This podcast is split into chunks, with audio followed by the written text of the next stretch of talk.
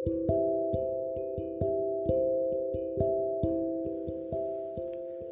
Bapak Ibu yang dikasih oleh Tuhan. Selamat pagi, salam sejahtera untuk kita semua. Puji Tuhan pagi ini kita masih diberikan nafas hidup oleh Tuhan. Kita patut mengucap syukur kepada Tuhan. Sebelum kita merenungkan kebenaran firman Tuhan Mari kita bersatu di dalam doa. Bapa kami di surga Kami mengucap syukur atas kebaikan dan anugerah Tuhan. Kami bersyukur hari ini kami masih diberikan kesempatan untuk merasakan kebaikan Tuhan. Kami akan merenungkan kebenaran firman Tuhan. Kiranya kami dapat memahami kebenaran firman-Mu ini ya Tuhan. Kami berdoa dan mengucap syukur. Haleluya. Amin. Shalom Bapak Ibu, kita bersyukur kita telah banyak merasakan kebaikan Tuhan dan penyertaan Tuhan di dalam kehidupan kita. Pagi hari ini kita melihat kepada Yohanes pasal yang ke-10.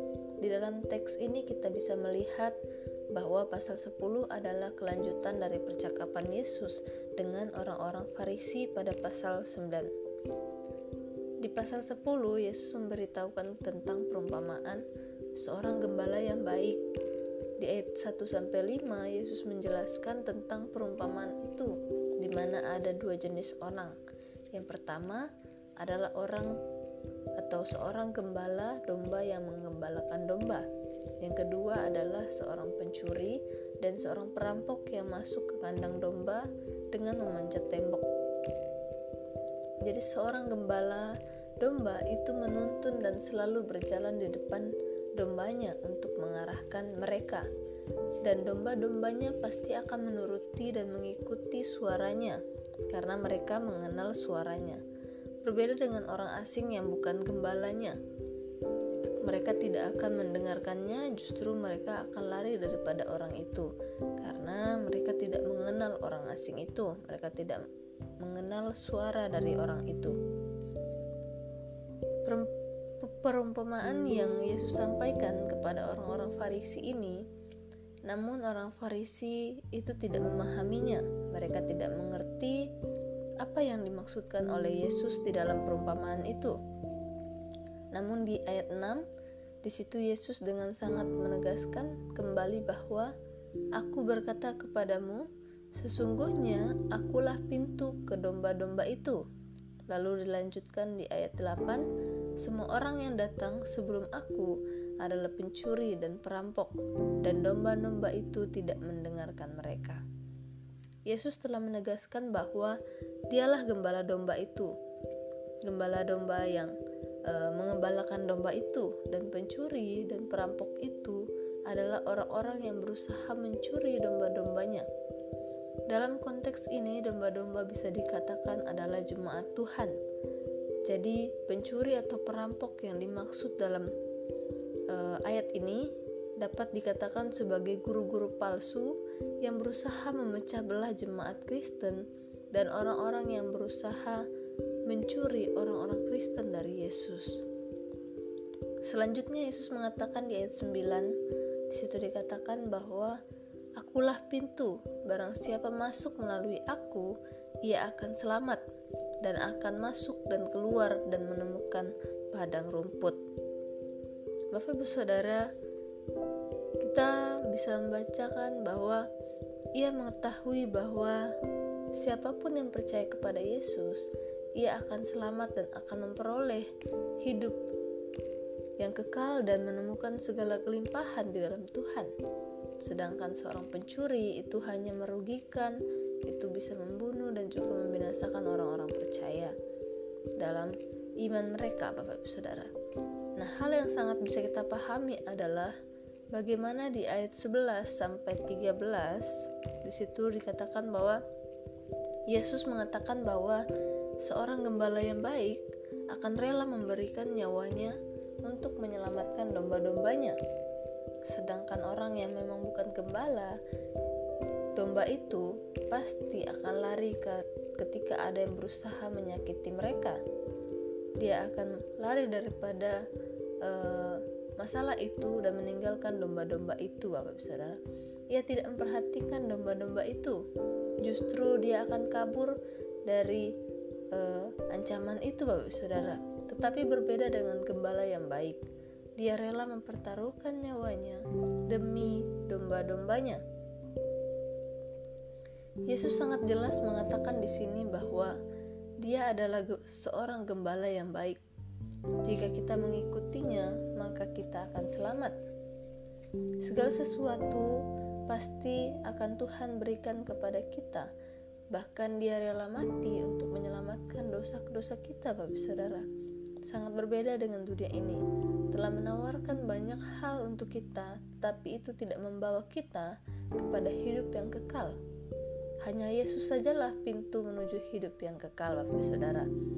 Nah, pertanyaannya kepada kita secara pribadi, apakah kita sudah mengikuti Yesus dengan sungguh-sungguh? Apakah Yesus ya, uh, yang kita percaya, Bapak Saudara? Apakah kita mau mengikuti suara Tuhan, mau mengikuti kehendaknya di dalam kehidupan kita? Setelah apa yang kita telah ketahui, apa pun yang sudah Yesus lakukan bagi kita, Mari kita tanyakan dan renungkan secara pribadi dalam hati kita Bapak Ibu Saudara.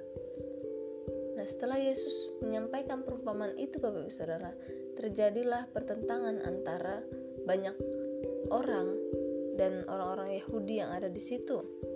Mereka tidak percaya kepada Yesus dan mengatakan bahwa uh, Yesus ini kerasukan setan dan uh, seperti orang gila seperti itu.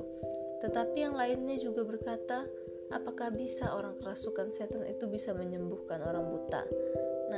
Menjadi perdebatan pada orang-orang Yahudi yang ada di sana, Bapak Saudara. Nah, kemudian beralih kepada ayat 20, 24, Bapak Saudara. Orang Yahudi mengelilingi dan bertanya, apakah Yesus itu benar-benar Mesias atau tidak? Dan Yesus menjawab di ayat 25, di situ dia katakan bahwa aku telah mengatakannya kepada kamu, tetapi kamu tidak percaya. Yesus menekankan lagi bahwa semua mujizat yang dilakukannya itu sudah cukup jelas untuk menerangkan bahwa ia benar-benar Mesias. Tetapi orang-orang di sana masih belum mempercayainya. Di ayat ke-26 sampai 27 di situ Yesus seperti memberi teguran dan sedikit sindiran menurut saya Saudara kepada orang-orang Yahudi yang ada di sana, di mana Yesus mengatakan bahwa kamu tidak termasuk domba-dombaku karena kamu tidak percaya. Nah, Yesus mengatakan bahwa kamu tidak termasuk domba-dombaku, maka dari itu kamu tidak percaya kepada Yesus. Sebab domba-dombanya pasti mengetahui dan percaya kepadanya Bapak Ibu Saudara. Bagaimana dengan kita Bapak Ibu?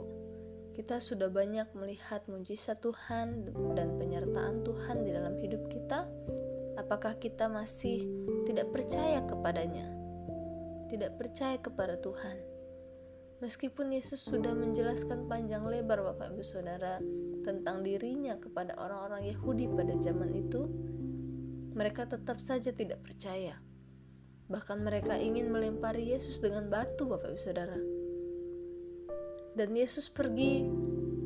Kemudian dari tempat itu dia pergi ke seberang Sungai Yordan, Sungai Yordan di ayat yang ke-40 sampai 42 dan banyak orang di sana yang datang kepadanya dan percaya Bapak Ibu Saudara. Nah, apa sih yang mau kita pelajari dari firman Tuhan pada pagi hari ini? Jadi beberapa hal yang perlu kita pelajari Bapak Ibu Saudara yang pertama adalah Yesus adalah satu-satunya jalan menuju keselamatan.